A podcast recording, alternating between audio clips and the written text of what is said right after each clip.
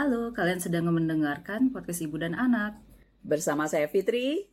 Dan saya Kiki.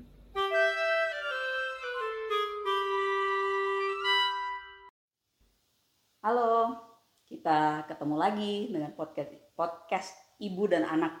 Tapi anaknya nggak ada, jadi Halo. tinggal ibunya dan bawa bintang tamu. Kali ini sore-sore gini enaknya ya sambil duduk-duduk nyantai kita ngomongin hal-hal yang seru-seru ya. Hmm. Hari ini kali ngomong ini kan kemarin itu kan eh, lagi sekarang lagi seru-serunya corona memang ya P, PPKM Eh, itulah kepanjangannya. Tapi kita nggak bahas itu deh dulu terlalu banyak orang yang bahas. Kita bahas yang nggak tahu orang pada ngeh nggak sekarang itu lagi penerimaan pegawai negeri serentak ya, Hmm. benar nggak? Pak? Hmm. Nah, papanya Kiki ini kebetulan eh, di Biro SDM, Biro SDM di salah satu instansi pemerintah. Hmm. Jadi kita tanya aja, kita gali aja pegawai negeri itu seperti apa sih gitu. Karena mamanya Kiki kan bukan pegawai negeri, pegawai swasta. Kalau papanya Kiki kan pegawai negeri. Jadi kita gali banget pegawai negeri itu gimana sih gitu. Hmm. Nah, pertama yang pengen, pengen nanya itu, kalau zaman dulu itu zaman kita waktu Hmm. masih muda gitu ya, masih eh, nyari-nyari kerja, pegawai negeri itu kan gajinya kecil banget ya, benar nggak ya? Sekarang Iya. kayaknya nggak kayak gitu ya. Eh, Gimana sih kan? Papa juga ngalamin dulu dulu Iya, pegawai iya, negeri iya. dulu dan sekarang kayak gimana coba? Iya benar. Jadi pegawai negeri banyak sih yang berubah ya Hmm, sejak dulu sampai sekarang seperti itu. Jadi dulu itu pertama image pegawai negeri dulu, branding dari pegawai negeri itu kan itu dianggap orangnya apa ya? Kerjanya nggak ada, Iya betul. Terus mesti eh, nyambi, nyari ya, sampingan. jam kerjanya nggak jelas kayak gitu ya seperti itu nggak disiplin lah anggapnya seperti itu Mhm. kemudian juga banyak hal terkait juga ya suka mungut ya kayak ada Hmm. pungli kayak gitu kesannya seperti Sekarang ada itu juga sedikit-sedikit sih beberapa ah iya tapi mungkin memang sejak ada diluncurkan yang namanya reformasi birokrasi Mhm. eh, itu ya setahap-setahap itu di eh, dihapus lah ya dihilangkan menjadi lebih baik. Nah salah satu program dari reformasi birokrasi selain untuk eh, mengubah citranya tadi itu Hmm. menjadi dia lebih baik, lebih profesional, berintegritas, melayani. Kalau dulu kan mungkin melayaninya kalau dikasih duit baru melayani gitu ya kesannya gitu ya. Tapi sekarang lebih lebih melayani seperti itu.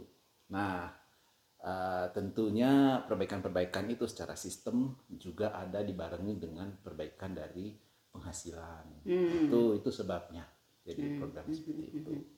Jadi take home pay-nya diperbaiki Hmm. seperti itu.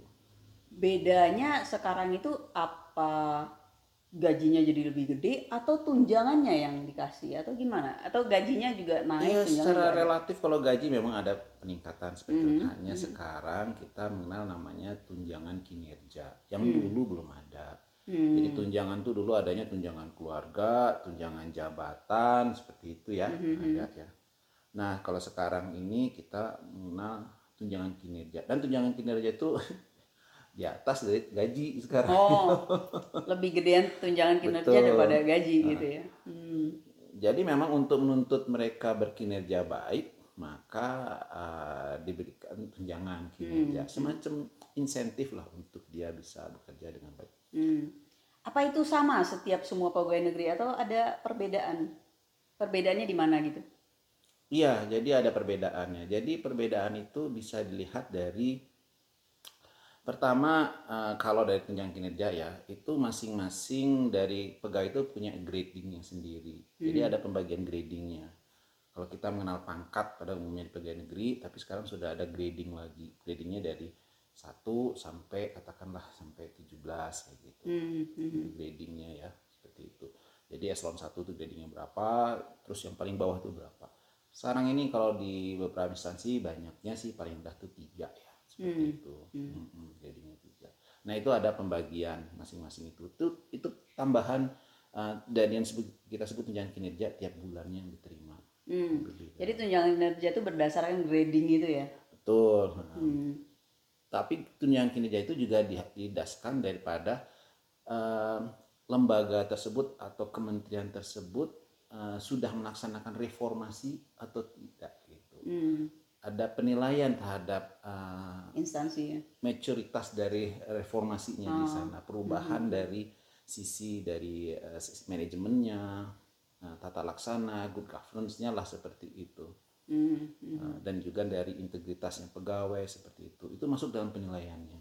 hmm, hmm, hmm, hmm. Nah, Sehingga kalau seandainya itu lebih, lebih tinggi, eh, lebih bagus nilainya, maka dia mendapatkan reward di lembaga tersebut. Katakanlah kita nyebutnya, oh eh, Kementerian A mendapatkan tunjangan kinerja 80%. Hmm. Ke- ada lagi 90%. Ada lagi yang masih 60% kayak gitu. Oh, Heeh. itu berdasarkan penilaian dari instansi itu sendiri gitu. Betul. Oh, Heeh. gitu. Ya standarnya kita ngambilnya Kementerian Keuangan yang mungkin 100%. Yang punya duit sih ya, yang punya duit ya wajar yang lah. paling duluan, yang Oh, paling yang duluan melakukan reformasi birokrasi. Ah, oke. Heeh. Iya, jadi banyak belajar dari dari sana juga ya. Seperti Oke oke. Ya so- waktu itu pernah juga sih salah satu eh, pernah Hmm. ada ada di kantornya mama ya di kantor mama ada eh, ada berinteraksi dengan salah satu eh, instansi pemerintah kemudian setelah selesai interaksi itu eh, diminta ininya diminta apa namanya eh, dari sana itu mi- minta kayak apa ya survei kayak gitu penilaiannya gitu. Apakah dipungut bayaran enggak apakah itu apakah termasuk dari penilaian yang kayak gitu atau gimana? Betul. Iya, jadi sekarang ini salah satu penilaian dari reformasi birokrasi adalah kalau itu mungkin berkaitan dengan eh, indeks persepsi korupsi. hmm, hmm. Apakah di sana itu ada ditanyain eh, sih pungutannya ada pungutan apa betul enggak terhadap gitu. bersih. Kemudian juga berkaitan juga bisa berkaitan juga dengan indeks layan eh, kepuasan masyarakat. Hmm, hmm, hmm, hmm. Jadi terhadap layanan tersebut eh, masyarakat bisa menilai, orang luar bisa menilai. Itu survei-survei tersebut. Nah survei-survei itu bagian dari nanti penilaian terhadap em, eh, apa eh, tingkat dari eh, dari kementerian lembaga tersebut dalam melaksanakan reformasi birokrasi. Hmm, dan itu mempengaruhi ke tunjangan kinerja Betul, tunjangan gitu. kinerja dari eh, lembaga tersebut. Hmm, hmm. Nanti secara individu akan dilihat lagi dari performance individunya. Oh gitu. Iya betul. Jadi itu lembaga segitu, kemudian performance individu ada juga gitu Betul. ya. Oh, Oke. Mirip sama swasta ya, kantor mama juga eh, ya rada-rada ada kayak gitu juga gitu. Ya memang pegawai negeri itu lama-lama menjadi model kayak swasta. Oh, take, gitu. home, take home pay-nya juga sekarang sudah hampir seimbang. Hampir seimbang. Atau Oh. mungkin di beberapa swasta tergantung swasta yang mana ya, itu bisa lebih tinggi sekarang. Hmm, Jadi emang pilihan untuk karir salah satunya bagus seperti itu.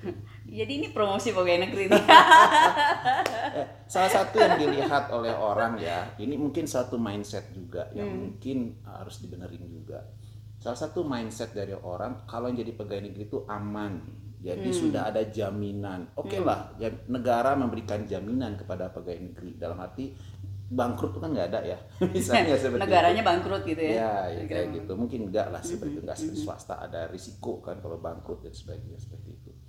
Tapi bukan berarti kalau orang sudah bekerja di sana, kemudian dia bisa nyantai saja, kemudian dia tidak ada Nggak akan Eh, berhenti, nggak akan dipecat. iya seperti itu. Enggak juga gitu. Hmm. Sekarang Pegawai negeri ini- bisa dipecat ya? Bisa ya diberhentikan dari pegawai bisa. negeri bisa. Banyak faktor yang menyebabkan Hmm.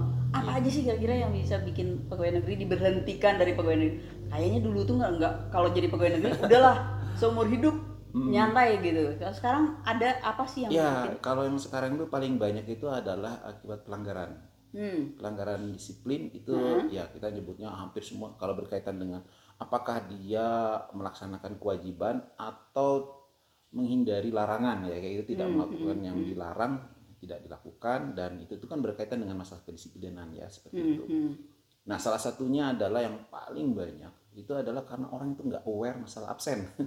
Oh, absen itu menjadi salah satu eh, faktor yang untuk menilai kedisiplinan Hmm. sekarang ini ya seperti itu. jadi kalau nggak masuk-masuk bisa diberhentikan? Iya. Oh, Iya. hmm. wah, Hmm. Ternyata nggak gampang juga Dan ya. absen itu tidak hanya harian gitu, Hmm. tapi dia hitung jam kerja. Oh, Jam kerjanya itu diakumulasi. Katakanlah hari ini dia dihitung harusnya 7.30 sampai katakanlah 7.30 sampai jam empat katakan di situ kan. Ternyata dia sudah tidak masuk eh, 7.30 datang, tapi kemudian dia jam 3 sudah berhenti, sudah Hmm. keluar kayak gitu kan. Mhm. Nanti ada akumulasi kekurangan jam kerja tersebut. Hmm, jadi misalnya Iya. bisa sebulan gitu, 30 hari gitu kan. Iya. Berarti kali jam gitu ya. Betul. Hmm. Per menitnya dihitung akumulasinya. Nanti di, di, dihitung set- setaranya berapa hari kayak gitu. Mhm. Kalau sudah lima hari totalnya, dia mendapatkan teguran. Hmm. 10 Oke. hari dapat teguran Jadi lebih tertulis. lima hari gitu. itu berarti 8 kali 5 gitu. Hmm. 8 kali 5 eh, eh, 40 jam gitu ya. Ya, seperti itu. Hmm. Ya, akumulasi. Terus eh apalagi sih yang bisa pelanggaran berat yang bisa membuat pegawai negeri diberhentikan?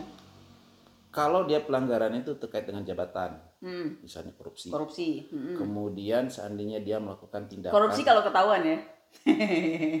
ya. Betul. Jadi korupsi itu sudah jadi banyak ya eh, faktornya itu. Eh, dia menurunkan harkat martabat pegawai enggak?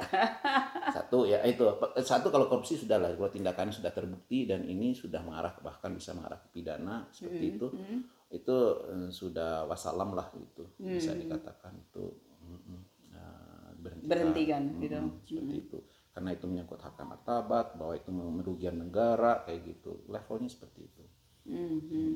nah pelanggaran banyak pelanggaran atau yang eh, yang dilakukan pegawai negeri itu ya kalau dilihat itu jenis dari eh, apa eh, sanksi yang diberikan ini ngomongin sanksi Hmm. Sanksi. Yang pahit-pahit dulu jadi pegawai negeri, jangan yang Iya. enak-enaknya aja gitu. Ya ini untuk menunjukkan bahwa pegawai negeri dulu mungkin beda sama sekarang kayak Mhm. gitu ya, ada Iya, betul, tuntutan yang berbeda. Hmm. Jadi eh, banyak hal berkaitan dengan harkat martabat. Kalau eh, itu eh, pelanggaran-pelanggaran, baik pelanggaran yang peraturan-peraturan. Jadi sebenarnya pegawai negeri itu melekat ya 24 jam. Tindak tanduk dia dia sebagai pegawai itu melekat 24 jam kepada orang tersebut. Tidak hanya di kantor saja, di Iya. luar juga begitu. Iya. Ya, nah nanti dilihat dampaknya itu Mm-mm. dari pelanggaran yang dilakukan, pelanggaran disiplin yang dilakukan, apakah memiliki dampak kepada selain absen ya, dampak itu kepada unit kerjanya Mm-mm. atau ke instansi atau lembaganya atau ke negara. Hmm. Kalau ke negara pasti potong gitu ya. berat, Hmm. itu kita anggap pelanggaran berat. Ya. Nah, pelanggaran berat itu paling tingginya itu ada dibagi lagi, tapi itu sanksinya bisa diberhentikan. Hmm. Itu pelanggaran berat. Hmm. Nah kalau kalau korupsi itu sudah dianggap pelanggarannya sudah Berat negara ya, gitu ya, negara. Hmm. seperti itu. Ya. Hmm. Kemudian ada yang sedang kalau seandainya untuk ke, memberikan dampak kepada instansi bisa nama baik instansi, bisa merugikan instansi dalam beberapa hal ya seperti itu. Nah, kerugian-kerugian mungkin akibatnya mungkin karena kesalahan dia, uh, kerjasamanya jadi berantakan seperti itu. Nah itu sebagian-bagian yang, yang bisa Hmm. suatu pelanggaran juga. Dan itu bisa diberhentikan. Oh, enggak, kalau yang sedang itu kepada instansi uh, itu ada hukumannya tidak sampai diberhentikan, Tidak sampai tapi uh, bisa sampai penurunan uh, apa ya, kenaikan gajinya ditunda, kenaikan pangkatnya ditunda seperti itu. Hmm. Jadi im- ba- banyak ya macamnya. Kalau yang modelnya yang yang ringan itu uh, ada lagi pelanggaran yang hanya kepada unit kerja itu mulai dari model teguran, uh, teguran tertulis seperti itu dan pernyataan tidak puas seperti itu. Ya dan Hmm. Susah juga ya ternyata. hmm, nggak susah juga. Kalau nggak yang penting ngapa-ngapain yang penting susah ya. yang penting menjaga aja, menjaga etika, tidak melanggar peraturan seperti itu. Sebenarnya sama aja juga ya di Sama, di mana-mana juga bakalan gitu. seperti itu gitu ya. Sama Iya. seperti itu. Nah, kalau dulu kan orang nyari pegawai negeri tuh mikirnya pensiun gitu kan. Hmm. Jadi pensiun kerja nggak ngapa-ngapain nggak kerja juga nggak apa-apa gitu. Hmm. Ting, eh, gaji memang kecil tapi tinggal cari sampingan gitu kan. Eh, terus dapat pensiun gitu. Orang kan nyari pensiun. Kalau sekarang pensiunnya masih tetap ada kan? Pensiun ada, heeh. Hmm, hmm, pensiun Ya, tetap ada. pensiun ada. dan Usia pensiunnya? jamin. Usia pensiun itu tergantung dari eh, jabatan. Hmm, Ya, seperti itu. paling cepat Paling cepat itu 58. 58 paling itu yang cepat. reguler Hmm, eh, semua pada umumnya 58. Kalau yang ada yang 60, Mm-mm. nah itu adalah untuk jabatan fungsional madya. Hmm, Jadi itu 60. jabatan eh, fungsional tapi levelnya madya itu adalah 60. Termasuk juga untuk jabatan pimpinan tinggi. Hmm, Pimpinan tinggi itu yang level eselon 2, eselon 1 sampai ke pimpinan puncak eh, pimpinan Itu instansi itu itu 60. 60. Nah, Hmm. ya, seperti itu. Dan ada juga lagi yang 65 yaitu Hmm. jabatan fungsional utama. oh, utama Hmm. gitu. Kalau nggak fungsional enggak. Enggak, hanya fungsional aja. Ya, gitu. fungsional tapi levelnya juga level madya karena ada lagi fungsional tuh levelnya adalah level di bawah madya itu ada banyak lagi. Hmm, Ada level muda, pertama, kalau level ahli itu ada le- level yang terampil juga ada seperti hmm. Jadi eh, 58 yang normal, Ya, eh, 60, eh, 65, udah itu yang paling top. Ya, ada beberapa jabatan yang memang diberikan kekhususan Hmm, misalnya, dosen oh dosen. Ya bisa sampai 70 bisa sampai 70. peneliti. Meneliti juga bisa sampai 70 kalau utama. kalau utama sampai 70. Madianya 65 peneliti. Jadi kalau mau jadi ini mau pensiunnya lama-lama ya jadi peneliti atau jadi dosen. 70 iya ya. karena semakin dia semakin uh, Berpengalaman mature, gitu, makin pengalaman, bagus ya, makin uh, bisa memberikan makin tinggi makin memberikan banyak nah. ilmu yang lebih baik gitu ya, lebih banyak Ya. gitu. Oke, oke. Nah, sekarang kan kita udah tahu tuh pegawai negeri sula- susahnya seperti apa, enaknya seperti apa saat Hmm. ini dibandingkan dengan dulu. Nah, sekarang kan penerimaan pegawai negeri itu Hmm. itu semua instansi menerima pegawai negeri atau cuman beberapa instansi tertentu aja? Iya, jadi modelnya begini, semua eh, instansi lembaga itu diberi peluang untuk mengusulkan sesuai dengan kebutuhan. Hmm, hmm, hmm. Jadi, nah kebutuhan itu kemudian dievaluasi, direview dulu, Oh, ya, benar nggak nih sesuai kebutuhannya? benar nggak butuh gitu? Betul, nah, seperti apa alasannya dan sebagainya. Dan ada juga proporsi penghitungan. Bahwa untuk lembaga kayak begini dia harus core bisnisnya adalah formasi yang sesuai dengan core-nya kayak gitu. Katakanlah kayak modelnya ini ngomongin kalau misalnya uh, pelayanan ya kalau mungkin kalau pelayanan di Pemda berarti yang benar-benar melayani Pemda itu yang yang melakukan pelayanan langsung mungkin ya seperti itu itu berapa persen kayak gitu. Dan yang lainnya adalah yang sifatnya administrasi seperti itu, ya kan? Nah, nah, sab- administrasi atau yang pendukung itu kira-kira 30 persen. Yang intinya itu adalah melakukan tugas fungsi utamanya itu 70 persen. Seperti itu proporsinya. Nah itu dilihat dulu. Nah mungkin kalau untuk hitungan Pemda juga dilihat dari kemampuan membayar gaji dan sebagainya ada PBB dan sebagainya itu sesuai kebutuhan. Anggarannya ya, Betul. anggarannya. Jadi sudah mengusulkan dulu formasinya kebutuhannya berapa, dievaluasi, kemudian mendapatkan persetujuan lagi dari sisi anggaran dari Kementerian Keuangan. Barulah kemudian itu dapat, ditentukan Jadi berapa. berapa orang yang bisa direkrut? gitu. Betul, tahun tersebut. Eh ngomong-ngomong sekarang ini kalau pegawai negeri itu kita nyebutnya namanya pegawai negeri ya. pegawai negerinya. Eh, padahal pegawai negeri, pegawai negeri eh, ini ada dua nih sekarang. Kita nyebutnya sekarang nyebutnya aparatur sipil negara. ASN, Hmm. ASN. Nah, ASN itu ada dua, Oh, pegawai negeri sipil heeh. atau kita nyebutnya P3K, Heeh. pegawai pemerintah berdasarkan perjanjian kerja. Oh, Jadi modelnya kontrak. oh. Jadi kalau pegawai negeri sipil itu itu tetap. Betul. Kalau ada lagi AE, eh, ASN ya, yang ASN P3K. yang P3K. Jadi ASN ada pegawai negeri sipil, ada P3K. P3K. Betul. Oh, Oke, P3K yang kontrak. Nah kalau yang kontrak itu itu gimana sih kalau yang yang ini kita ya normal lah ya bayang Iya, gitu. iya, yang iya, iya. P3K itu yang seperti apa sih? Eh, P3K itu eh, memang untuk menduduki jabatan-jabatan yang eh, mungkin pegawai negeri jarang mengisi Mm-hmm, atau kemudian atau jabatan-jabatan eh, yang tertentu yang khusus seperti itu. Nah, kalau PNS itu berarti mulainya jabatan itu dari awal direkrut, dia memiliki posisi eh, level paling bawah dulu rekrut. Mm, Jadi ikutin fresh graduate dan sebagainya mulai itu kita sebut pengangkatan pertamanya levelnya di mana seperti itu. yang CPNS itu ya. Betul, itu ada pola karirnya seperti itu kan. Kalau P3K enggak, Hmm. dia bisa pada level mana aja kayak gitu. Oh. Heeh. gitu. karena memang membutuhkan kekhususan, keahlian tertentu yang siap pakai. Hmm. Nah, untuk beberapa lebih mementingkan keahlian eh, keahlian-keahlian tertentu berarti level madya.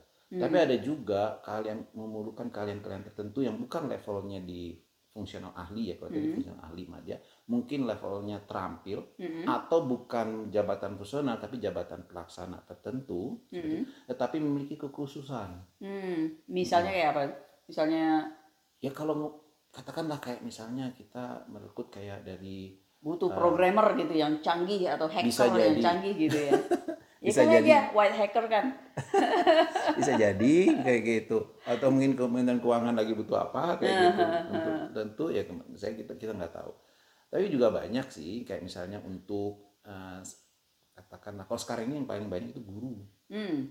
nah Oh, guru- guru. guru-guru yang untuk masuk daerah terpencil daerah-daerah yang jauh dijangkau yang sekarang ini itu diperlukan untuk mengisi posisi sana kayak gitu Hmm. dan banyak mereka yang sudah sudah jadi kalau PNS itu ada batas usia Hmm, untuk hmm, mendaftar Untuk bisa PNS ya. diterima Hmm. ada kriteria eh, usia seperti itu nah kalau ini usianya adalah batas usia pensiun Oh. satu tahun sebelum menyampai batas usia pensiun itu masih bisa Masih bisa? masih bisa kayak Hmm. gitu Jadi mama bisa dong ya bisa kalau ada formasinya gitu. Ah, benar Dan itu kontrak, kontrak Iya, ya. kontrak. Nggak, jadi misalnya orang-orang yang misalnya kan yang tadinya eh, punya usaha terus mendadak ah pengen coba kerja gitu ada ada yang dibutuhkan itu bisa gitu bisa ya. asal memenuhi syarat aja ketentuannya Oh, seperti yang oke, diharap oke. diinginkan seperti itu Hmm. Mbak ini jadi peluang Oh. jadi peluang dalam peluang untuk kementerian lembaga itu sebetulnya ada peluang ada Hmm. gap katakanlah kebutuhan formasi tertentu yang tidak bisa diisi langsung oleh PNS karena dia Hmm. perlu pada keahlian pada level tertentu Hmm. Dan Nah, mungkin spesifik gitu betul ya, spesifik. betul spesifik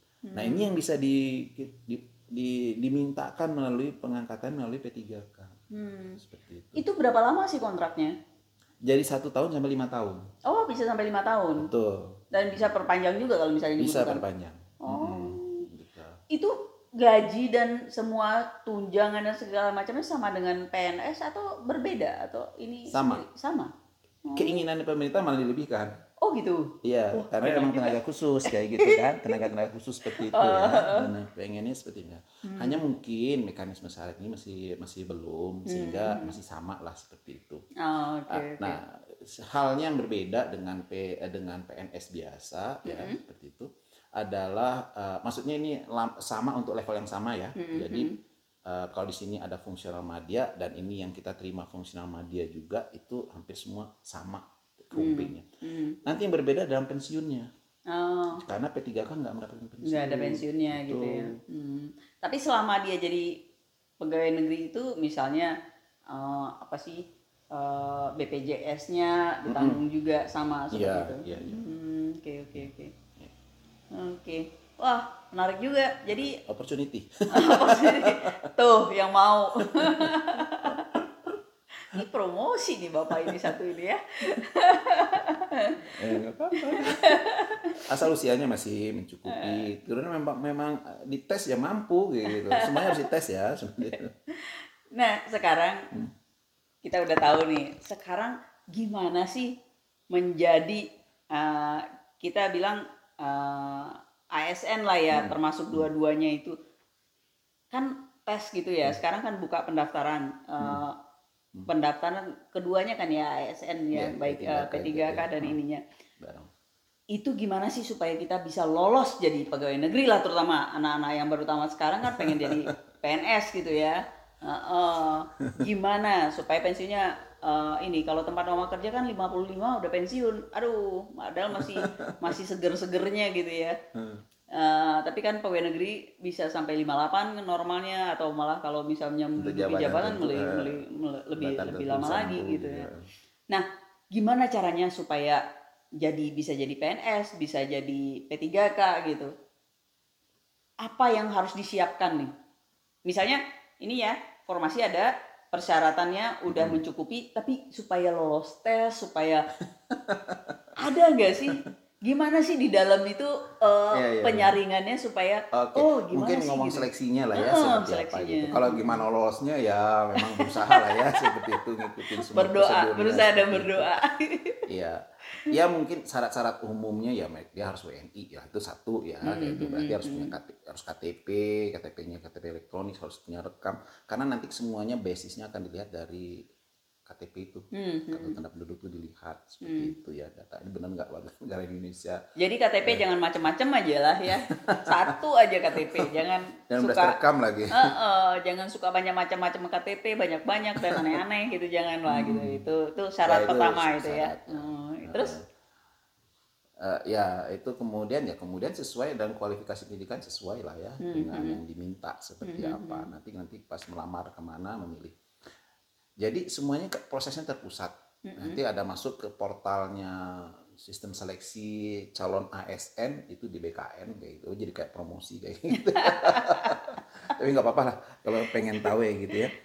Jadi eh, nanti di sana di- eh, mendaftar. Jadi semua persyaratan modelnya umum eh, model-model yang kayak persyaratan nanti harus semacam eh, apa namanya eh, sebagai WNI KTP-nya masukin kayak gimana login buat akun ya pokoknya di situ modelnya nah setelah itu baru memilih ke eh, instansi dan formasinya apa kayak gitu memilih. hmm, hmm. jadi maksudnya pengen ke Kementerian Keuangan katakan lihatlah Kementerian Keuangan situ lihat formasi yang tersedia apa yang sesuai dengan ijazahnya yang bisa kualifikasinya seperti apa bisa memilih kayak gitu Hmm. baiknya sih sebelum mendaftar seperti itu lihat-lihat dulu tertariknya ke mana kayak gitu karena kalau Hmm. sudah memilih ke satu nggak bisa milih ke tempat yang lain kayak gitu Oh, gitu. Mm-mm. hanya boleh milih satu instansi dan satu jabatan Jadi nggak bisa bisa pilih pilih sini juga, siapa tahu Ya. sini terima, siapa tahu sini terima itu nggak bisa bisa ya. Jadi itu. harus pilih satu ya. Nah, nanti kalau sudah oke, lulus seleksi administrasi, ya seleksi administrasi itu akan dilihat ijazahnya lah, apa administrasi administrasi seperti itulah umumnya ya. Mungkin juga surat eh, keterangan kelakuan baik lah, bebas itu surat pernyataan lah, surat itu banyak eh, beberapa hal yang dilihat di situ. Ya, Tapi itu umum lah ya, semua. Hmm. Hmm. Nah, nanti tinggal kalau lulus semua seleksi administrasi, terpenuhi semua administrasinya, baru nanti akan dipanggil Hmm. melakukan seleksi. Nah, kalau untuk PNS Hmm. yang tadi ASN kan ada dua ya, PNS. Hmm, PNS PNS kan dan berarti yang P3K. mulai ya dari tahap mulai awal dari Ah, segi ah. berkarir itu ya. Hmm. Nah, itu ada dua macam tes utamanya. Namanya seleksi kompetensi dasar Hmm. dan satu lagi seleksi kompetensi bidang. Hmm. Seleksi kompetensi dasar ini adalah umum untuk semua pegawai negeri dilihat berkaitan dengan intelijensinya dia, berkaitan dengan wawasan kebangsaan. Nah, Kan. ini nih wawasan kebangsaan tuh Betul, kayak gimana karena tuh? ya tesnya tentang berkaitan dengan UUD 45, 1940, eh, Pancasila, kayak seperti itu. Hmm. Karena eh, yang diinginkan adalah pegawai negeri itu kan memang dia memang eh, Mengerti kenegaraan gitu ya. betul. Hmm, hmm, Iya. hmm. gitu. Terus tes intelijensia umum lah ya, seperti itu ya. Psikotes kayak gitu ya. Eh, Sejenis psikotes tesnya apa? seperti ya Mirip kayak kayak gitu. ya seperti itu tesnya. Nah, Hmm. Hmm, hmm, hmm. Kemudian ada tes tes yang lain ada tiga macam tes yang sebenarnya dilakukan seperti itu. Hmm. Nah nanti ada passing grade-nya di Oh. masing-masing tersebut. Oh, Passing grade itu berbeda-beda atau sama di semua ini? Sama passing grade-nya Passing sama grade akan ditentukan itu berlaku umum. berlaku umum Ya, semuanya semua seperti itu. akan sama. Hmm. Nah itu untuk PNS Hmm, ya hmm, seperti itu. Nanti kalau sudah mereka lolos passing grade, lolos seperti ini, kan bisa jadi nih karena pelamaran banyak ya seperti. Satu formasi, satu formasi katakanlah eh, sebagai analis keuangan kayak gitu, pengelola Mm-mm. keuangan APBN katakanlah itu di suatu kementerian tertentu kayak gitu ya. Kemudian di sana membutuhkan lima misalnya kayak gitu Mhm. katakan ya level pertama biasanya butuh lima nah nanti itu yang dipanggil itu adalah berdasarkan ranking Hmm. jadi tes tadi itu komputer Hmm. nggak nggak tulis apa semuanya pakai komputer tes kita nyebutnya komputer edit test CAT Hmm. seperti itu hasilnya pun hasil setelah dia ujian itu bisa kelihatan Oh, nilainya yang bersangkutan dari ya? betul Oh. dan nggak bisa di nggak bisa dibantu oleh siapa-siapa juga dia harus sendiri melakukan lihat hasilnya juga begitu Ah, nanti tinggal eh, nanti setelah dia lulus melewati ambang batasnya dulu setelah masuk ambang batas dilihat yang dari di ranking Hmm. Hmm. Tiga orang dari masing-masing formasi masing-masing jabatan tersebut itu yang akan dipanggil untuk seleksi kompetensi bidang. Hmm. Itu kalau kebutuhannya segitu. Tapi kalau kebutuhannya misalnya lima, lima dong. Enggak. Kebutuhannya lima, nanti lima kali tiga, lima belas orang yang dipanggil. Oh, gitu. Top tiga. Kebutuhannya Top three, 100, ya? berarti 300. Oh, oke oke yang oke. diambil Mhm. yang pokoknya yang lulus dari batas itu tuh untuk formasi tersebut karena dia ngelamar formasi ini formasi Mhm. jabatan ini gitu ya maksudnya Mhm.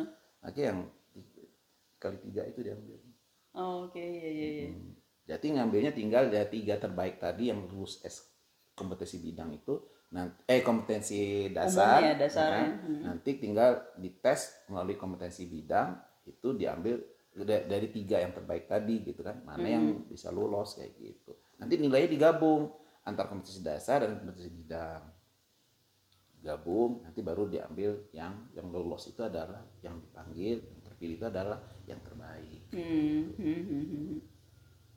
Oh, Hmm. gitu. Kompetensi bidang itu eh, ada yang modelnya dengan model komputer, Mm-mm. ada ditambah lagi dengan kebutuhan-kebutuhan sesuai kebutuhan Yang dari spesifik kementerian ya. lembaga. Mm. Betul, sesuai ada melalui ditambah dengan psikotes tambahan, ya Mm. boleh kayak gitu. gitu. Hmm. Seperti itu. Dan kalau misalnya kompetensi eh, kompetensi dasar itu yang mengadakan Kementerian Ah, PAN iya, atau- ah, ah, jadi eh, BKN sih. BKN ya, yang ah, mengadakan. ah, Kalau yang kompetensi seleksi. bidang itu udah di instansi masing-masing atau bagaimana?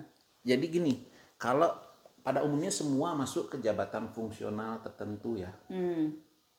Fungsional masuknya itu pada penerimaan itu karena eh, tidak bisa dikatakan tidak ada lagi menerima untuk jabatan fungsional yang levelnya bukan eh bukan personal tertentu pelaksana itu hampir nggak ada jadi selalu penerimaannya untuk jabatan fungsional tertentu Hmm. oke nah masing-masing jabatan fungsional tersebut ada instansi membinanya Hmm. katakanlah kalau untuk pengelola keuangan APBN itu yang DPKU gitu. Iya betul. Kalau untuk em, statistisi yang Hmm. ngurus statistik itu BPS katakan Hmm, kayak gitu hmm, ya hmm, seperti hmm, itu. hmm. Jadi ada masing-masing instansi pembina. Walaupun statistisinya ada di mana-mana. Nah yang membuat soal itu adalah yang yang ya, pembina instansi eh, jabatan fungsional tersebut. Hmm. Kalau peneliti adalah DIPI misalnya gitu. Kalau prekes itu ada BPPT misalnya gitu. Hmm. Tapi tesnya di BKN. Tesnya bisa di BKN bisa juga sendiri. Tapi Oh. pada umum kalau menggunakan CAT BKN. BKN gitu. Hmm. Kalau yang spesifik banget mungkin baru di instansi. Ada kebutuhan lain, Hmm. tapi porsinya adalah CAT kalau pakai seleksi kompetensi bidang tuh 50% bobotnya itu adalah yang komputer. Hmm. Nah, 50% itu ya bobotnya ya. Minimal 50%. Hmm. Nah, bobot lain tuh bisa disesuaikan kebutuhan. Bisa saja ditambahkan dengan tes ke keragaan jasmani, misalnya Hmm. kalau dia harus berenang, harus apa misalnya. Tesnya seperti itu ya. Ada ada hal tertentu yang spesifik yang khusus Tuh, gitu ya. atau ada wawancara, Hmm. ada hal yang lain atau mau mau diuji lagi di tes disuruh buat essay buat apa kayak gimana itu ditentukan oleh Hmm, instansi instansi yang- tapi semua model tes itu pun harus atas persetujuan dari BKN. Menpan Oh, Kemenpan. iya Hmm. setuju nggak terutama dari hitungan bobotnya dari bentuk ujiannya cara Hmm. penilaiannya itu harus Oh. disetujui oleh Menpan Hmm. kalau nggak disetujui nanti jadi jadi di apa untuk mencegah adanya semacam apa pengaturan oh Hmm. saya pengen meloloskan ini meloloskan itu itu yang di supaya fairnessnya ada ya fairnessnya Mm-mm. gitu ya jadi nggak ada titipan titipan om-om tertentu. Betul. Tertentu. ya kali aja ada yang mau nitip gitu ya. Ternyata nggak bisa. Sekarang nggak bisa pakai titip-titipan. Bisa dikatakan begitu. Ya contoh contohnya presiden anaknya sendiri nggak lolos nggak lolos. ya. Itu itu salah satu contoh ya berarti oke ternyata eh, ini juga ya nggak nggak gampang juga ya nggak nggak seperti dulu. Dulu kan suka titip-titip ya bisa titip anak titip ini bisa jadi pe- pegawai negeri yang iya nah itu itu bedanya sekarang. Hmm, hmm, hmm, sekarang em, buat orang-orang yang di pengelola SDM di kementerian lembaganya sekarang itu jadi lebih lebih mudah. nggak Iya. nggak dapat beban betul penitipan eh, gitu ya betul nggak dapatkan modal-modal beban yang nambahin apa nambahin jadi susah Rasanya ya nggak enak Nggak gitu enak ya. ya jadi gimana seperti di itu diiyain gimana nggak Ah, diiyain gimana iya. gitu Nah, sekarang sudah ada diatur seperti itu jadi kita tinggal pokoknya kita ingin menginginkan model kayak gini yang terbaik udah kayak gitu. kita modelnya seperti ini dan kita bisa mendesain sendiri waktu tesnya itu tes Hmm. apa yang kita perlukan sesuaikan dengan karakter lingkungan kerja kita itu bisa. Asalkan nanti disetujui oleh Menpan kayak gitu ya. Heeh, Nah, dia kan harus disetujui. Itu loh kita melakukan. Pasti ditanya kenapa melakukannya kayak gini? Gimana cara penilaiannya? Kenapa? Itu harus jelas. Ah, oke oke Hmm. oke. Dan itu harus di depan. Di maksudnya clear dulu di depan sebelum itu diumumkan Ah, oke jadi nggak ada lagi di belakang-belakang diubah Oh, aturannya ada perubahan-perubahan lagi Heeh, nggak ada. Pokoknya boleh. kalau sekali udah ditetapkan itu dipakai untuk periode itu gitu betul. ya. Ya, Oh, untuk Oke SK. SK, oke. betul. Ya sebenarnya lebih fair ya, maksudnya eh, semua orang punya kesempatan yang sama Ya, sesuai dengan intinya. kualifikasinya, sesuai dengan yang dia inginkan gitu. Jadi nggak ada nggak ada orang yang tidak tidak Hmm. sesuai, tidak ini eh, karena hubungan khusus jadi Hmm. bisa diterima itu udah nggak bisa lagi sekarang ya pegawai negeri. Rata-rata nggak bisa ya. Rata-rata lah nggak Enggak bisa. lah, sekarang sih Sekarang susah bisa, ya, susah ya nggak bisa ya. Oke, terus harus berjuang sendiri harus tinggal pelajari aja tuh apa itu gitu. Nah sekarang nih tahun tahun ini kan eh, penerimaan pegawai negeri sekarang itu yang pengumumannya udah keluar ya kalau nggak salah ya beberapa Iya, hari yang tanggal lalu. 30. Hmm, 30 beberapa hari yang lalu. 27 Itu untuk pegawai negeri periode penerimaan tahun maksudnya akan mulai aktif jadi pegawai negeri 2022. 2022. Oh, Oke. prosesnya iya panjang prosesnya panjang. Terus ini supaya administrasi kita lolos itu itu triknya apa sih? Kita harus benar-benar sesuai rigid ya kalau itu. Betul.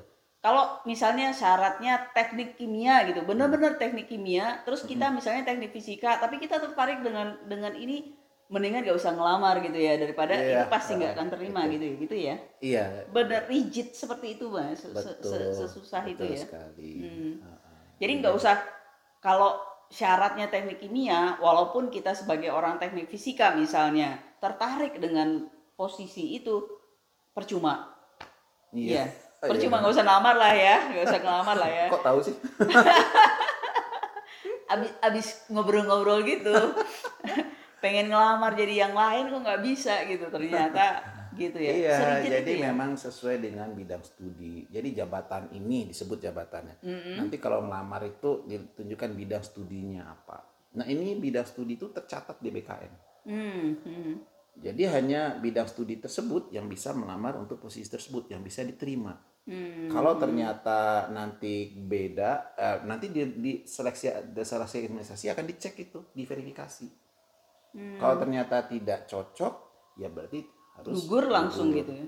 Hmm. Nanti kalau ternyata ada yang tetap masuk, nanti akan di BKN nggak bisa diproses. Hmm. Yang salah adalah panitia. Kenapa memverifikasinya tidak benar kayak gitu? Oh, jadi walaupun di panitianya lolos, tetap aja nggak bakalan lolos Akan gitu ya. menjadi masalah. Akan jadi masalah Iya, gitu. betul. Jadi itu yang perlu pertama kali di di dipikirkan gitu. Kalau memang Betul, syaratnya itu ya betul. kalau nggak nggak melalui syarat itu nggak nggak ini ya. Nah sekarang Nah bidang kemudian juga ininya harus pikirin. apa tuh? Eh, dia itu kan S1, S2 kayak gitu kan. Ah iya iya iya. Atau S3 kayak gitu kan. Nah kalau seandainya, lo saya kan S1 saya katakanlah, katakanlah misalnya ilmunya eh, geologi, kebutuhannya menerima geologi.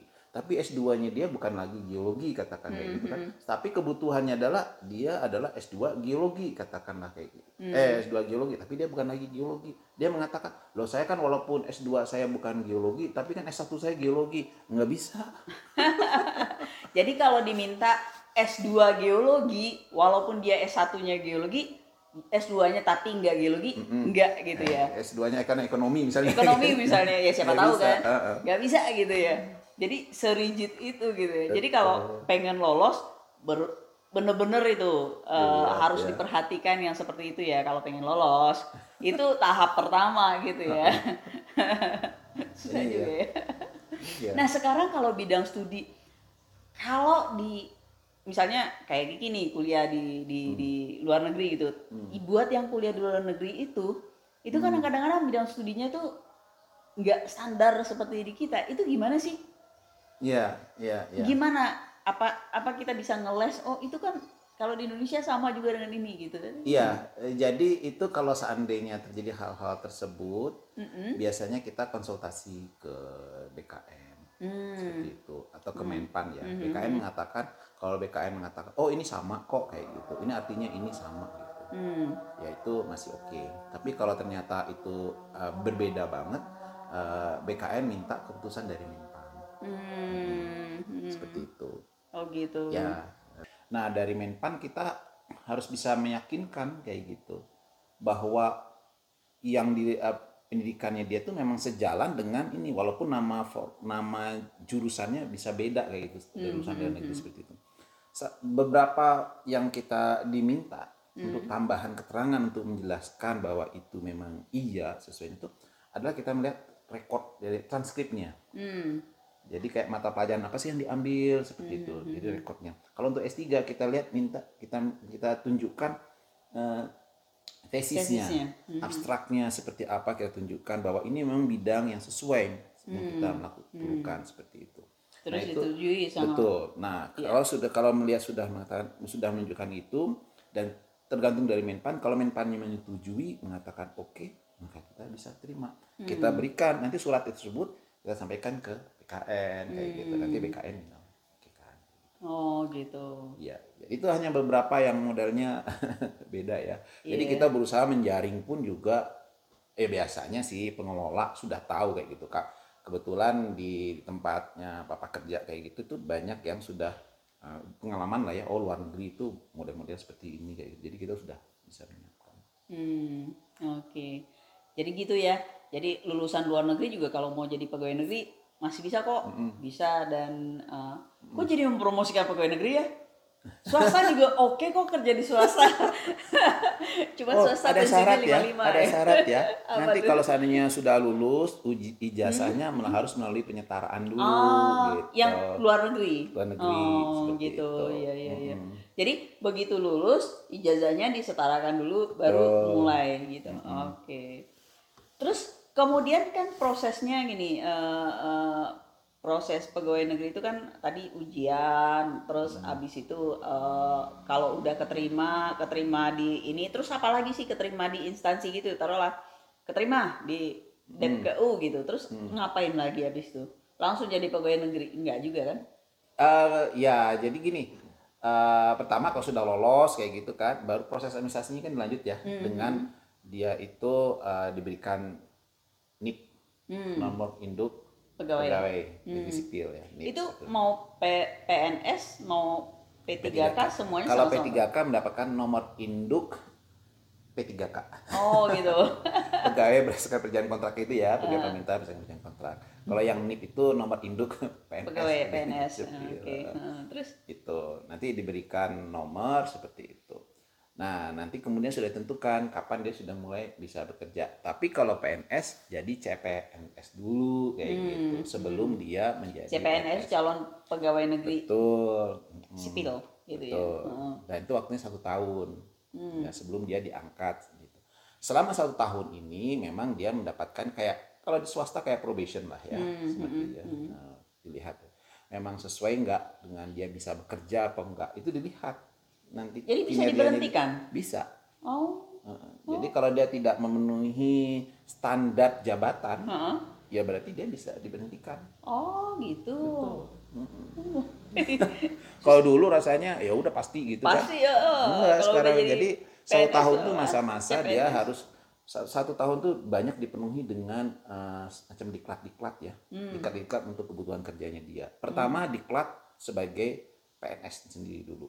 Apa Hmm. saja sih nilai-nilai PNS yang harus dia ketahui? Ya kalau di swasta kan juga dia model model apa value ya Value. diajari dulu seperti itu sebagai core value dari perusahaan kayak gimana ini nilai-nilai PNS diajari nilai-nilai dari eh, kementerian atau lembaga yang terkait yang dia tempati kalau memang ada itu juga diajarkan di situ Hmm. kemudian dia sudah mulai bekerja sesuai dengan jabatannya tersebut Hmm. diberikan tugas-tugas pekerjaan seperti itu Udah dikasih kerjaan gitu ya. Tuh, masa probation seperti itu Hmm. belum mendapatkan jab- belum mendapatkan jabatan baru sebagai CPNS Hmm. karena jabatan itu hanya untuk PNS jadi kalau dia sudah lulus sudah mendapatkan nilai kan ada ujian latsar juga seperti itu Apa tuh latsar? latsar itu pelatihan dasar Oh pelatihan dasar. sorry udah biasa bahasa pegawai negeri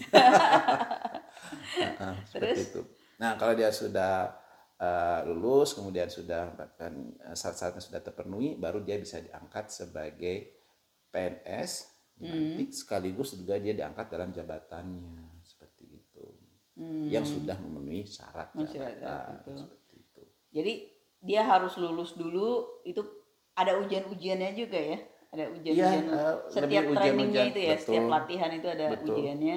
Dan itu harus lulus ya. harus Hmm, kalau nggak lulus, ya bye bye, nggak jadi.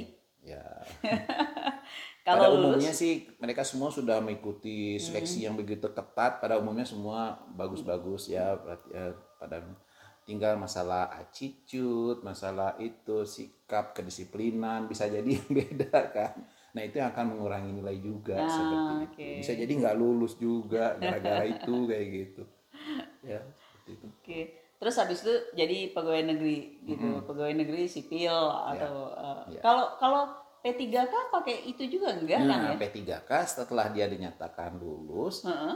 eh, dia membuat tanda tangan kontrak Oh. kontrak kerja nah kontrak, kerja, kerja. itu tadinya rencana berapa lima tahun misalnya kayak gitu kan lima Hmm, tahun dia sudah tanda tangan kontrak lima tahun kalau dia lulus setelah itu dia bisa ya mendapatkan nomor induk eh, P3K tersebut Hmm. tanda tangan kontrak ya sudah bisa bekerja langsung Oh, gitu. nggak pakai pelatihan Enggak. gitu karena Enggak. udah spesifik kan ya. Betul. Oke. Mm-mm. Iya, Nggak iya. ada masa-masa pelatihan lagi, udah langsung kerja kalau Langsung P3K. kerja, ya. Nggak ada investasi untuk pelatihan buat orang orang-orang begitu ya, sudah langsung diharapkan dia langsung bisa Ah, bekerja. Oke, oke. Terus oke, kan udah pegawai negeri gitu, terus Hmm. ngikuti penilaian ini. Kalau misalnya nih kita nih, ternyata kita nggak seret nih, udah dua tahun kerja gitu, kok rasanya nggak seret nih jadi pegawai negeri eh, di tempat itu gitu. Kalau pindah-pindah instansi itu memungkinkan nggak sih? Ada diatur deh seperti Ada? itu. Iya, eh, masih pindah seperti itu. Jadi eh, nggak mudah, Nggak mudah, Nggak mudah. tapi mungkin ya, tapi masih mungkin. Iya. Heeh. Kalau kita bukan siapa-siapa minta pindah ya ya kali ya. Eh, jadi mekanismenya nanti akan mengikuti mekanisme perpindahan pegawai negeri itu sudah ada diatur ya, seperti itu. Eh, nanti kita harus melihat kalau istilahnya orang nyebutnya yang biasa itu lolos butuh ya, lolos butuh. Jadi pegawai di sana, eh, instansi yang akan menerima itu menyatakan meminta pegawai ini untuk posisi tersebut, Hmm, seperti itu. Nanti yang diminta. ah, diminta mau melepas apa enggak kayak gitu Hmm, hmm, bisa iya bisa enggak kan sesuai dengan kebutuhannya seperti itu hmm. gitu, syarat itu nah kalau seandainya katakanlah di sini juga melepas seperti itu mau melepas itu. Itu pun harus lolos dari eh, apa persetujuan teknis lah orang nyebutnya kalau dari B- eh, BKN yang akan membuat. Yang dilihat itu adalah dulu tuh kerjanya apa dan kemudian akan masuk ke jabatan apa. Kayak gitu. ini yang minta ya dia sekarang kerjanya apa formasi apa urean jabatannya apa nanti dia akan kerja di mana jabatan apa urean pekerjaannya pun harus jelas. Hmm, hmm, sehingga akan dilihat oh ini memang bisa masuk ke situ gitu hmm, nggak asal masuk terus akhirnya dia nggak bisa kerja nah jadi susah lagi kayak gitu hmm. harus lolos dari em, verifikasi dari BKN untuk hal tersebut Oke. jadi walaupun udah setuju-setuju kalau nggak lolos verifikasi BKN ya nggak bisa masuk Oh, jadi nggak nggak gampang walaupun bisa tapi nggak gampang ya. Nah kalau resign ya itu bisa. ya bisa Oh, tinggal mengajukan surat, betul mengundur. Hmm. Kalau dulu kan susah banget tuh untuk resign. Hmm. Kalau sekarang gampang-gampang aja. kalau di swasta kan kalau resign one month notice gitu. Kalau ini di pegawai negeri gimana tuh untuk resign? jadi punya implikasi ada implikasinya. Implikasinya? Kalau resign, ya, kalau orang yang baru masuk kayak gitu resign dan setelah mendapatkan NIP, setelah mendapatkan NIP dari masa CPNS, kemudian dia resign seperti itu. Kalau belum mendapat NIP, mungkin nggak terlalu jadi masalah. Tapi kalau dia mendapatkan NIP, dia akan tercatat Hmm. bahwa dia pernah Jadi mendaftar pegawai negeri, kemudian pernah mendaftar, kemudian dia resign seperti itu akan tercatat. Ada satu berapa periode, eh, periode satu periode mungkin dia tidak bisa mendaftar sebagai pegawai negeri lagi Hmm. Seperti itu. Oh gitu. Ada ketentuan seperti itu diatur. Tapi untuk resignnya tinggal ngajukan surat ke atasan atau bagaimana? Atau Iya, nanti di sana kalau memang atasannya yang disetujui ya akan akan diproses ke DKN seperti itu. Hmm, gitu. Jadi bisa ya. Oke. Apalagi kira-kira yang perlu yang yang nonton ini tahu kalau pengen jadi pegawai negeri ini? karena karena mungkin model Kiki ya untuk luar negeri ya seperti itu tuh eh, gimana sih untuk jadi pegawai negeri gimana jadi peluangnya Mm-mm. seperti itu Eh, terus mungkin yang sudah dari luar negeri sudah S2 S3 seperti itu dapatkan pos nggak di dapat tempat nggak di pegawai negeri seperti itu kan iya jadi eh, bisa dia mendapatkan pos posisi seperti ini di Di di- pegawai negeri, pegawai negeri. Pertama adalah dilihat dari dilihat dilihat dulu aja dari formasinya itu membutuhkan kualifikasi apa sesuai bidangnya apa enggak gitu kan. Hmm. Nah kalau seandainya dia mendata, oke, eh, maka maka dia dapat apa namanya eh, eh, mendaftar sebagai pegawai negeri seperti itu. Kalau dia permintaannya S3, ya berarti harus S3 yang mendaftar. Gitu. Nah sekarang kan tidak semua kementerian lembaga buka S3, padahal dia sudah punya S3 gitu. Hmm. Punya peluang nggak kayak gitu kan? Ya kalau dia punya S2, daftar S2. S2. Kalau di sana buka S2, daftar S2 kayak gitu. Hmm. Seperti itu. Ya konsekuensinya S3-nya mungkin nggak segampang itu diakui gitu ya. Ya, betul. Jadi nanti akan dapat diakui ketentuannya tersebut, tapi nanti kalau seandainya pangkatnya sudah selevel dengan untuk S3, S3. seperti itu. Oh, Dan itu oke. pun harus dilihat apakah itu memang inline dengan jabatannya dia. S3-nya itu Hmm. S2 dan S3-nya kan dulu S2 katakanlah ke ekonomi, S3-nya bukan ekonomi. Hmm. Seperti itu. Nah, kemudian jabatannya dia memang berkaitan dengan ekonomi seperti itu. Ya S3-nya akan susah. Hmm, nggak nggak nggak nggak di ini ya nggak bisa dimasukkan gitu ya. Tuh. Oh, Oke eh. oke. Nah, jadi S3 itu bisa diakui. Nah, sekarang aja pemerintah untuk beberapa orang an- akan di-upgrade. Ya, Kalau yang sudah ada ya bisa saja kan lebih sudah upgrade sendiri seperti itu. Hanya nanti akan dilihat inline apa enggak kayak gitu. Nanti membuat surat pernyataan bahwa itu didapatkannya sebelum dia mendaftar PNS kayak gitu. Oh, Nggak Oke. apa-apa gitu. Oke oke. Tapi nanti harus dilihat kan pangkatnya harus setara dulu kayak gitu. Hmm. Menarik Jadi, juga. eh, eh, eh, Jadi semua peluangnya makin banyak ya untuk uh, jadi pegawai negeri sepanjang formasinya ada sesuai dengan Iya. Uh, yang persyaratan yang di ini ya yang diminta gitu. Tapi nggak nggak dibatasi apakah dia lulusan mana lulusan mana tuh nggak ada dibatasi gitu ya. Oke. Nah sekarang itu sekarang kan ngomong-ngomong apa tuh? kalau yang sudah bekerja Mm-mm. punya pengalaman kerja di di luar negeri kayak gitu Uh-uh.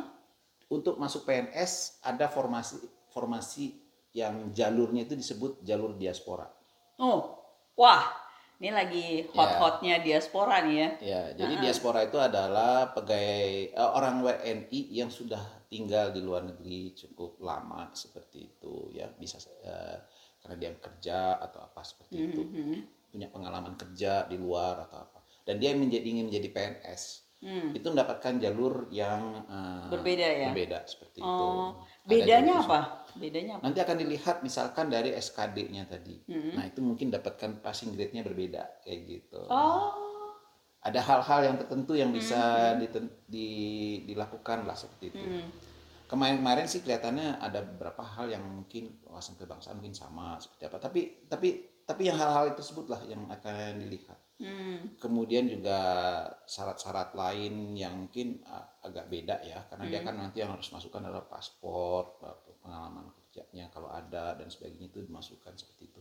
Jadi nanti beda-beda nanti masing-masing kementerian lembaga itu akan menentukan. Tapi ada jalur formasi untuk menampung orang-orang yang sudah di luar negeri dan ingin menjadi PNS tuh diberikan jalur sendiri. gitu. Itu bukan yang baru tamat ke sek- sekolah di luar negeri ya, tapi lebih ke arah yang sudah bekerja di luar negeri, Ya. sudah memiliki pengalaman kerja di Ya. luar negeri, tapi pengen bekerja di Indonesia, kayak Betul. gitu ya. Mm-mm. Hmm.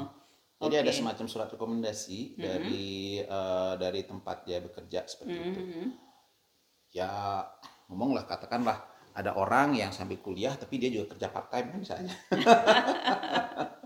Iya kan Iya. seperti oh itu. itu bisa juga Bisa, ya. kan? Seperti Pengalaman Gigi kan pengalaman kerjanya panjang tuh. Betul. Dia jadi Uh-uh. eh, kerja di lab kayak gitu itu bisa di ini ya, bisa dipakai ya. Uh-uh. Hmm, oke. Ya asalkan semua memenuhi syaratnya aja. Ada surat rekomendasi, ada sudah nanti menunjukkan berapa lama dia bekerja, ada kan gitu kan semua memenuhi seperti itu. Oh, Oke.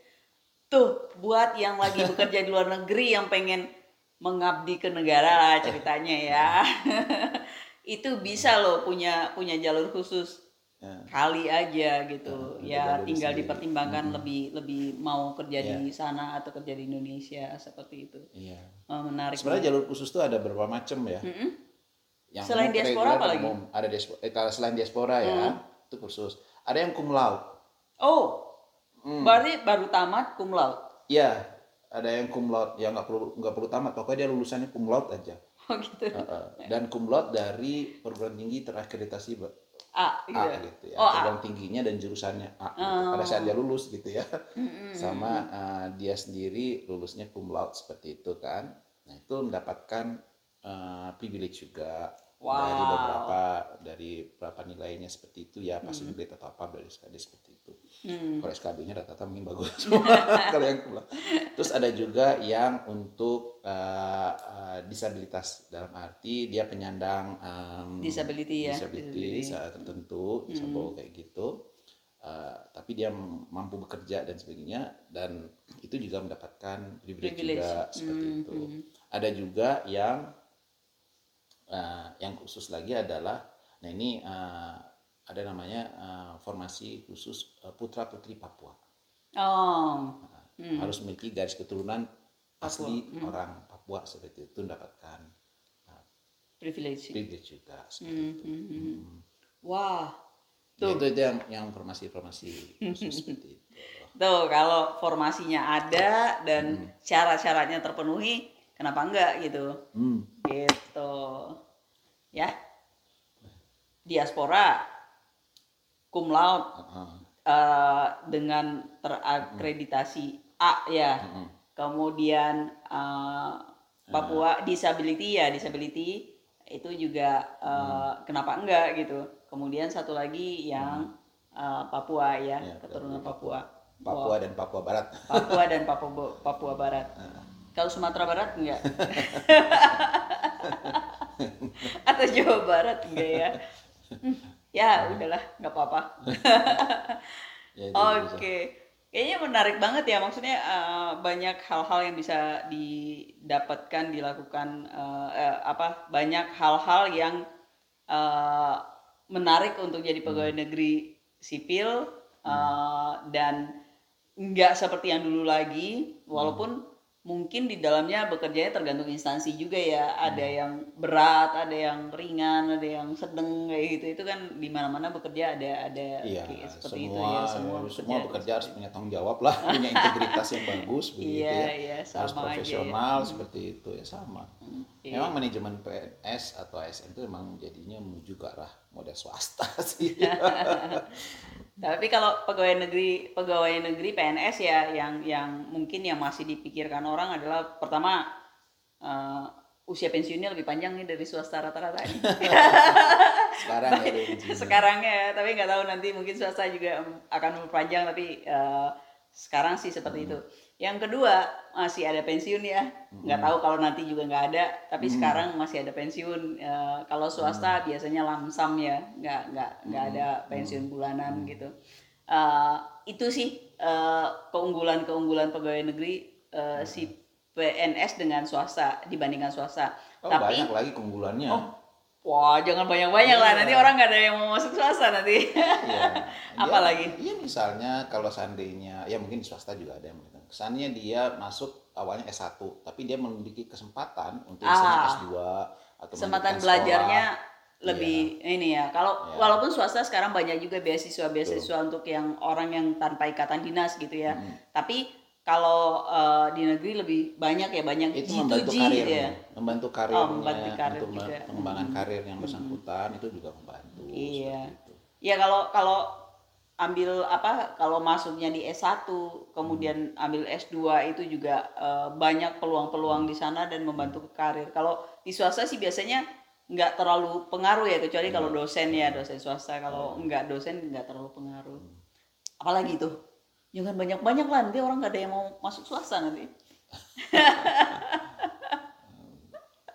Ya itu mungkin ya yang Hmm. utamanya yang yang, yang berbeda. kayak yang berbeda yang menarik jadi pegawai ya. negeri tapi walaupun nggak ada itu tetap aja sih eh, pegawai negeri itu jadi sesuatu yang dikejar eh, pencari kerja ya. Orang-orang yang ingin bekerja itu eh, banyak yang pengen pegawai negeri. Yang kecuali kalau orang yang memikirkan langsung wah bisnis gitu ya. Mungkin pegawai negeri bukan pilihan gitu ya. Maksudnya eh, misalnya nih orang pengen jadi eh, salesman or sales gitu ya yang duitnya kan kalau sales itu kan Dia duitnya oh, oh, luar biasa gitu ya Nah, bisa gede banget gitu. kan dia sendiri Pengusaha, yang iya. kontrol uangnya Heeh. seperti apa entrepreneur gitu ya tapi kalau pegawai negeri mungkin gitu. Uangnya nggak udah diatur sebegitu gitu. nggak bisa lebih lagi. bisa lebih Tadi lagi ceritakan oh bisa apa sampingan. Sekarang udah nggak bisa. sekarang udah nggak bisa Tuntutannya udah kerjanya juga berat juga gitu. Nggak ada uang lembur juga sama juga sih. Nggak ada uang lembur. Iya ada sebenarnya uang lembur, tapi eh, secara teknis agak sulit untuk ngatur seperti itu. Jadi tergantung dari kementerian lembaga yang ngatur seperti itu. Hmm, Kalau sudah pada umumnya sama itu sudah bagian dari tanggung jawab kerjanya dia kayak gitu. oke. Ya gitu.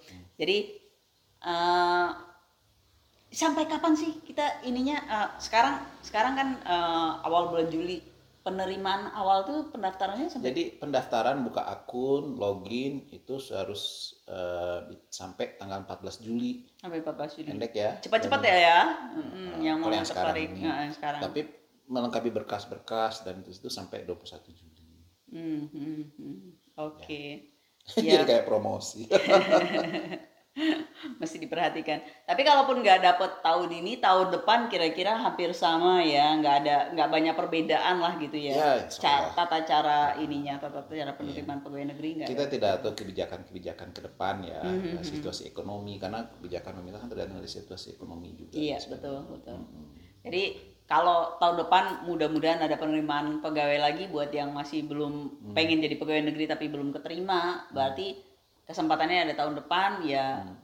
mudah-mudahan tahun depan ada penerimaan pegawai negeri lagi gitu Hmm. gitu tapi mumpung sekarang ya cepat-cepat Hmm. ngelamar supaya nggak lewat kalau mau tapi kalau nyari jadi swasta juga banyak juga enak jadi karyawan swasta Hmm. jadi karyawan swasta itu lebih merdeka ya maksudnya Hmm.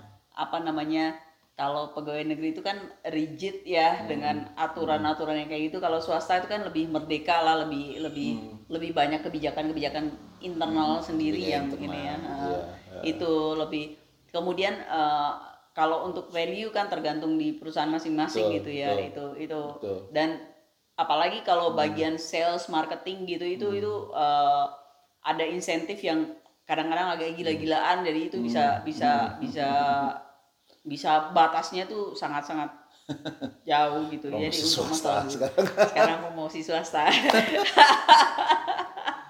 Iya memang pilihan ya. pilihan seperti itu. silakan yang mau milih pegawai negeri yang mau milih pegawai swasta apa pun yang penting kerja baik-baik eh, integritas jangan sampai rusak karena itu eh, tanggung jawab kita ke Betul. Mau di swasta apa di negeri sama ya. sama Masalah integritas. Oke, gitu aja dulu. eh, semoga ini berguna buat yang eh, lagi pengen cari kerja saat ini. Terima kasih Oke. udah nonton. Oke, Makasih. makasih.